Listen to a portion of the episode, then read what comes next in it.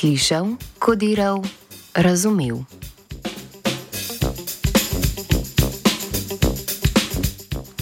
V današnjem jutru prek radijskih valov vaša ušesa pošiljamo vesti iz sveta znanosti.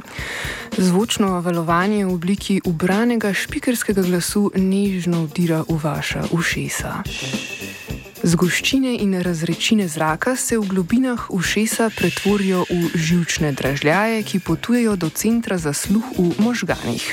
Ne da bi se tega zavedali, vsaj do tega trenutka, začne prepoznavati zloge, besede in stavke, iz katerih upamo, razbirate pomen.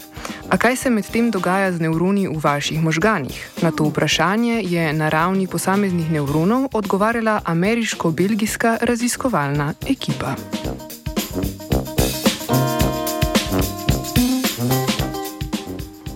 Pri razumevanju govora igra ključno vlogo, tole bomo pa še enkrat. Pri razumevanju govora igra ključno vlogo možgansko področje imenovano superiorni temporalni girus. To je, povedano preprosto, predel nekje pod temenom lobanje. Sestavljajo ga skupine nevronov, ki so posebej prilagojene za kodiranje fonetičnih značilnosti soglasnikov in samoglasnikov ter intonacijske višine govora. Raziskovalna skupina je obnašanje teh skupin nevronov opazovala ob uporabi znotraj možganskih elektrod. Študijo raziskovalne skupine od podobnih ločuje dejstvo, da so uporabili na ljudeh nedavno prvič testiran tip elektrod, prek katerih je mogoče spremljati električno aktivnost več posameznih nevronov hkrati.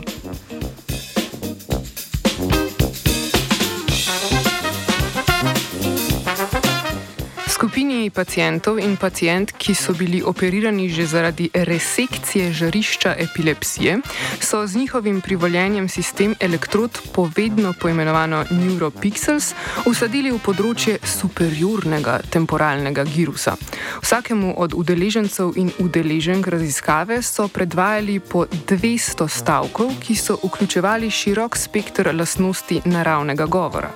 100 stavkov je bilo popolnoma unikatnih, medtem ko se jih je od preostalih 100 ponavljalo po 10. Ponavljanje stavkov je raziskovalni skupini omogočilo, da je nevronsko aktivnost med poslušanjem stavka primerjala tudi na ravni posameznika.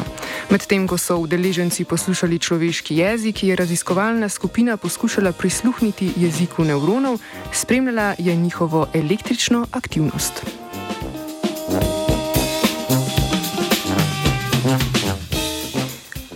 Celokupno električno aktivnost posameznih nevronov lahko razumemo kot seštevek akcijskih potencialov, ki jih sproži nevron v določenem časovnem obdobju.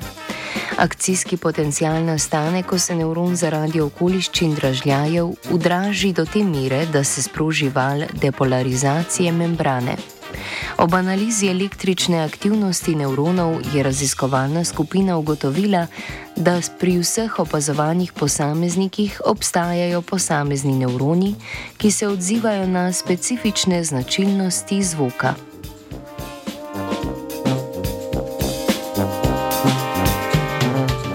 Znanstvenice in znanstveniki so denimo ločili posamezne nevrone, ki so se izrazito odzivali na tako imenovane zapornike, torej soglasnike kot so T, D ali K, od nevronov, ki so se izrazito odzivali na soglasnike kot so F, H ali S.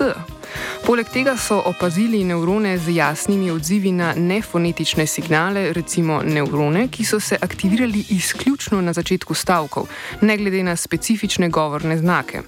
V primerjavi s podobnimi študijami, v katerih so pogosteje zastopani pristopi preučevanja možganske aktivnosti, kot je denimo funkcijska magnetna resonanca, so znanstvenice in znanstveniki z opisanim pristopom lahko neposredno opazovali aktivnost globlje pod površjem možganov.